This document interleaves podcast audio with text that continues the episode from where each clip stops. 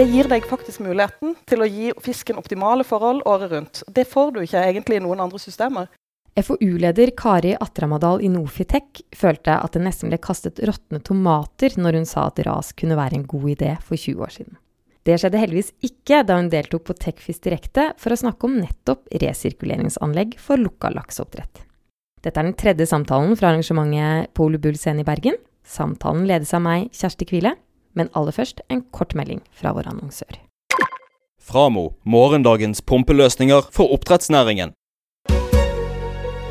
Nå som mer laks vokser seg større på land, er rasteknologien en viktig brikke. Med den trenger man mindre vann, og temperaturene kan holdes optimale. Men når sjøvannet resirkuleres igjen og igjen, kan det skape problemer. Nå skal jeg få på scenen ei som har forsket på dette, og som nå er FoU-leder hos rasleverandøren Nofitec. Ta godt imot Kari Astramadal.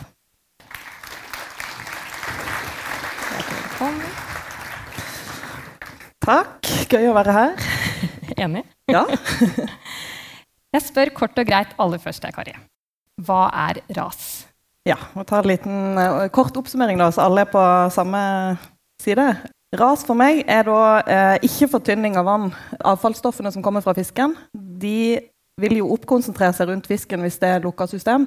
Så i eh, åpne system der blir avfallsstoffene vaska bort med strømmen. Og i eh, gjennomstrømsystem der blir de transportert bort med fortynning. Men i ras der skal vi bruke vann om igjen, så da må vi rense avfallsstoffene. Og de viktigste avfallsstoffene, eller de tre egentlig gruppene av avfallsstoffer, det er ammoniakk, CO2 og partikler. Så det er så enkelt at da, i RAS, som er resirkuleringssystemer, og som skal gjenbruke vannet, så må vi rense partiklene med filtre. Vi må fjerne CO2, bruke lufter typisk. Og så må vi Vi fjerner ikke ammoniakk ofte i RAS, men vi omdanner det til et mindre giftig stoff, nitritt. Unnskyld, nitritt er også giftig, men nitrat. Og det gjør vi i biofilter. Så da er det egentlig de tre hovedtingene. Så må du jo tilføre oksygen. Det gjør du òg i gjennomstrømsystem. Men hovedforskjellen er da fra et gjennomstrømsystem er at du eh, behandler stoffene istedenfor å fortynne dem. Hvor lite vann kan man bruke da? Du kan bruke nesten ingenting, som er bare det som fordamper. Men da må du òg gjøre noe med det nitratet som blir danna. Så da snakker vi om sånn zero exchange-systemer, der du kanskje tilsetter 30 liter nytt vann per kilo fôr. Da må du ha denitrifisering, eller fjerne nitratet på en måte. Men hvis du bruker ca. 300 liter nytt vann per kilo fôr, da holder det med et eh, bio, sånn biofilter som omdanner ammoniakken til nitrat. Så gjenbrukssystem det er jo noe annet igjen. Da er det bare lufting av CO2. Så du har en gradient av hvor mye vann du gjenbruker. Og jo mer du gjenbruker, jo mer komplekst blir det, og jo mer behandling må du ha. Men så får du mer kontroll på kjøpet. da. Eller mer muligheten til å optimalisere. Så det er kanskje oppsummert fordelene og ulempene, kanskje. Ja. ja. Så ras er ikke ras? Det kan være Ja.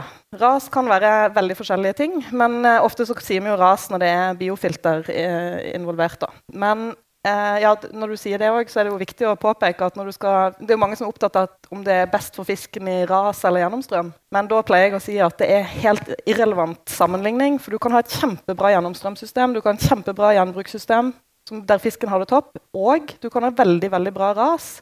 Og du kan ha skikkelig dårlige ras og skikkelig dårlig gjennomstrøm. Altså, det er ikke teknologien i seg sjøl som du kan si, putte alt i en boks og så sammenligne direkte. Men det er gode ras mot gode gjennomstrøm. Det er kanskje interessant.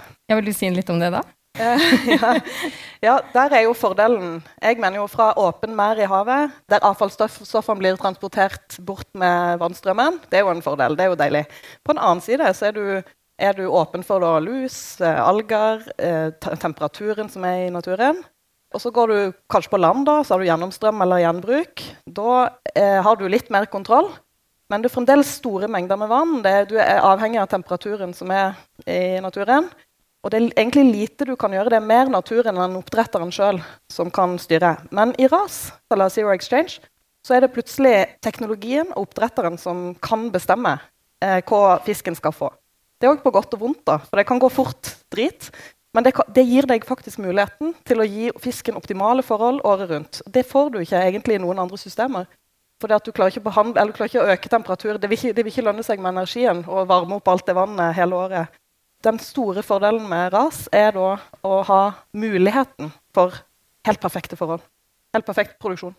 Kan du ta oss kort gjennom den reisen? Hvordan har utviklingen vært?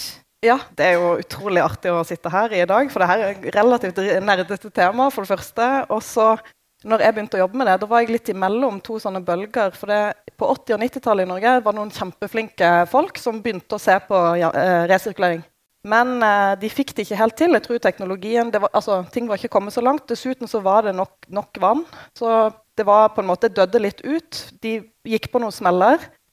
Og det var sikkert ikke nok investering eller nok tid. Så da konkluderte man på en måte med at dette funka ikke. Og så begynte jeg å studere egentlig marine fiskelarver. Og der er det en god idé å bruke ras. Fordi de destabiliserer det mikrobielle miljøet til fisken. Får mye bedre overlevelse hos eh, larvene. Så jeg gikk jo da som veldig ung eh, student sto og sa at det var en god idé å kanskje bruke ras. Og det var omtrent så jeg fikk råtne tomater kasta på meg. nå. Det her var i 2002, kanskje. Og jeg har også kollegaer, det var, det var ikke det verste, for kollegaen min har fortalt at han var på et, en tur med noen eh, og, holdt, og sa at ras kanskje var en god idé da, på begynnelsen av 2000-tallet. Og han måtte spise lunsj alene.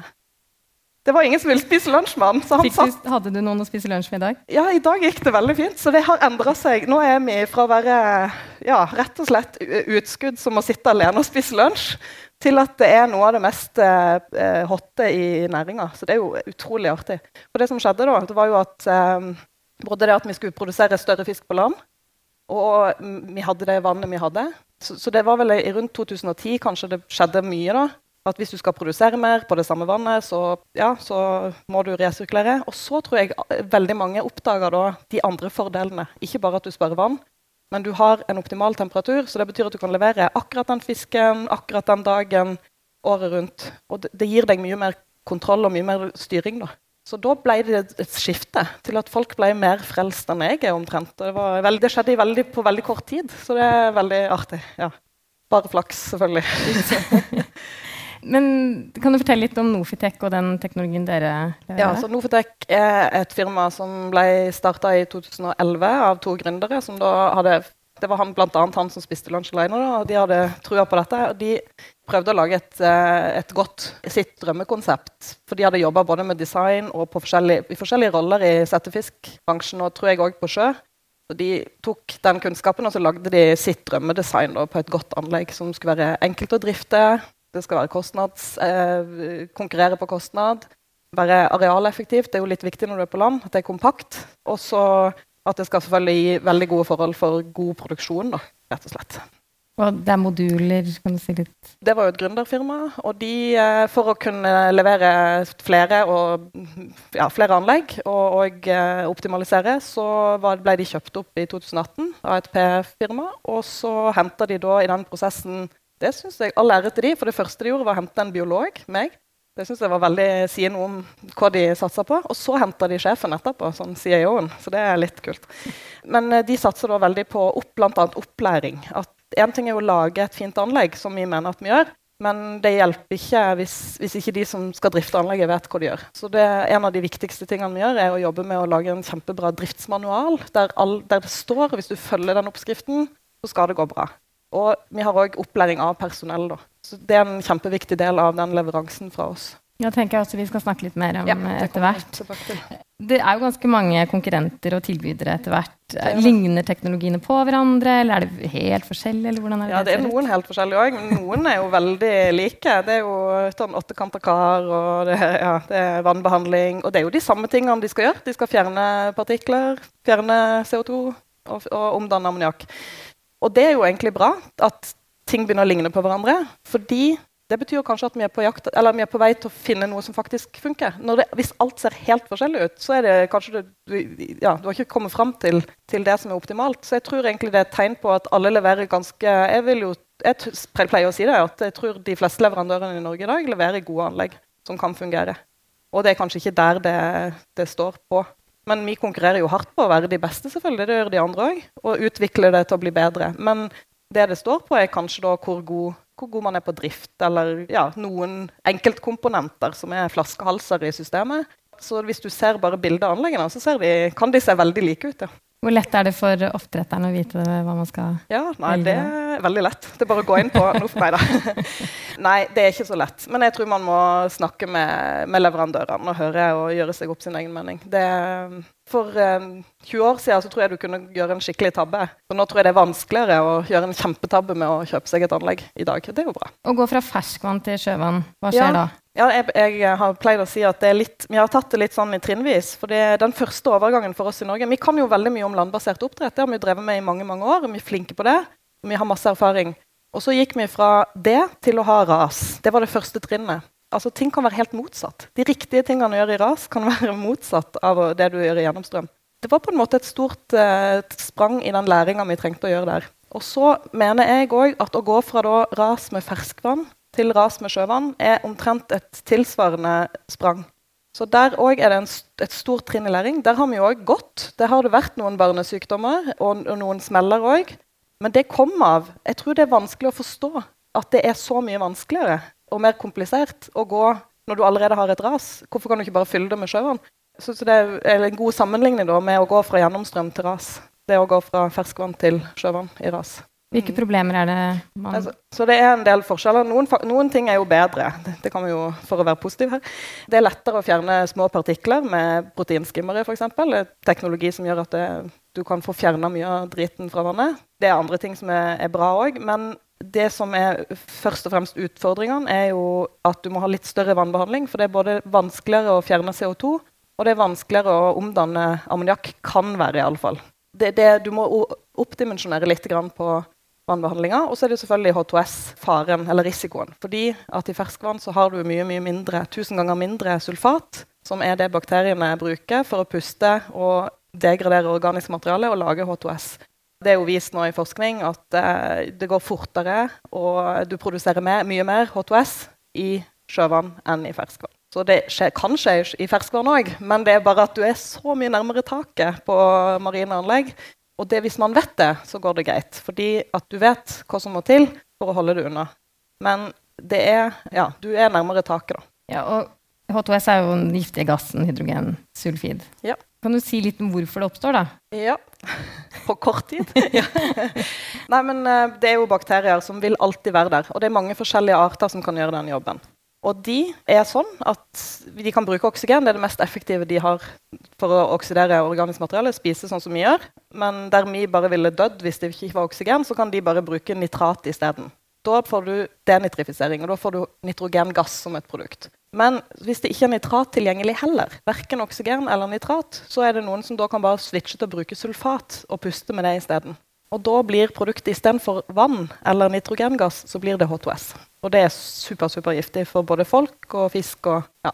Så det som skjer, det er f.eks. hvis du har biofilm, altså tjukk groe i de innerste lagene der, selv om du har veldig mye oksygen i vannet og nitrat, så blir det brukt opp av de der eh, bakteriene som sitter ytterst og spiser seg gode mette og puster og har det fint. Mens hvis du har veldig tjukt lag, så vil de som sitter innerst, da, vil, da er det tomt. Både for oksygen og for nitrat. Eller du har en klump med slam. Det vil være det samme. Inni der fritt for oksygen, fritt for nitrat. Hvis du har de situasjonene i anlegget ditt, så vil du få H2S-dannelse. Eller hvis du har skrudd av noe der vannet står stille, sånn at det blir fort brukt opp oksygen, nitrat, og så får du H2S.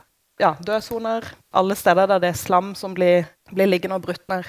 Eller veldig tjukk biofilm som du ikke vasker vekk. Det er vel egentlig kort oppsummert. Eller råtnende fisk. Kan òg være. ja. Mye hyggelige.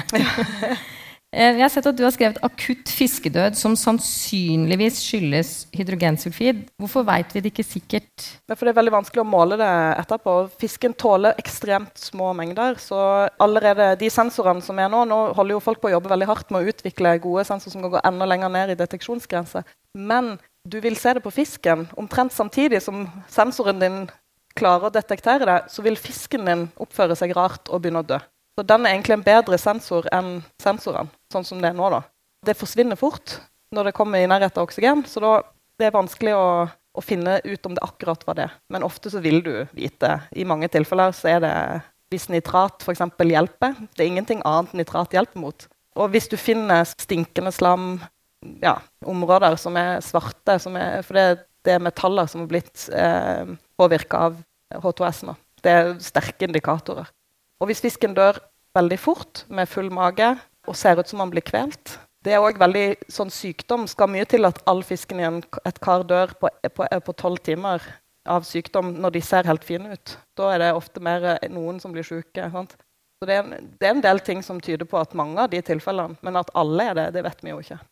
Jobber man med teknologi for å kunne detektere det? Ja, absolutt. Det er mange som jobber nå, og de flinkeste kommer ned og kan detektere i de sonene der det begynner å bli problem. Det, men jeg mener jo at det er en enklere og mye kjedeligere måte å løse det problemet på, og det er at du må vaske.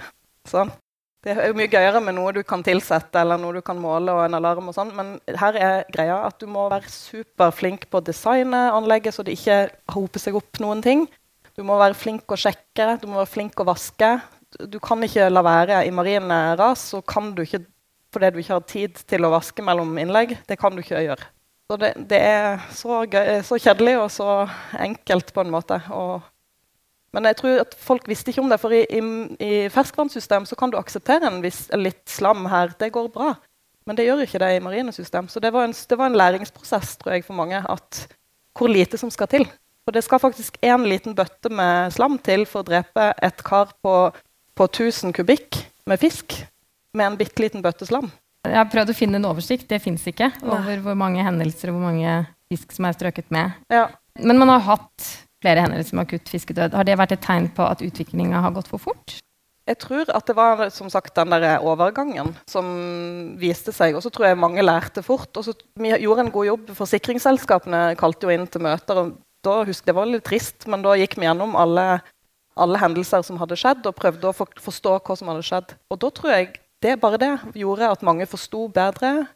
Og et, altså etter det har det skjedd veldig mye mindre.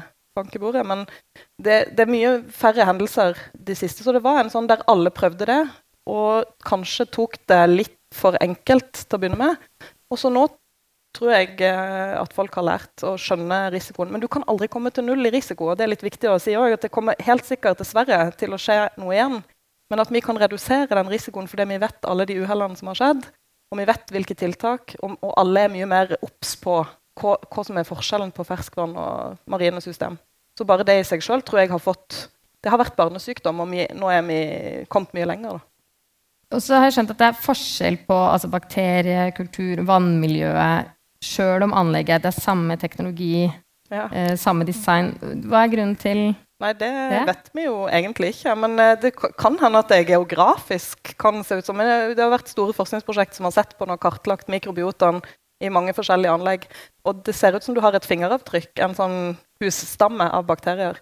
Det her er anlegg som er operert bra og har god produksjon. Ikke noen uhell i løpet av eh, jeg tror det var over ett og et halvt år de så på det. Så det er mer at du har en husstamme som er avhengig av drift, avhengig av uh, hvilken inntaksvann du har, og luft og forskjellige ting. Men det kan være bra, alt sammen. Det er kanskje mer endringer som er farligere enn selve hvem du har der. Da. Så det er jo interessant.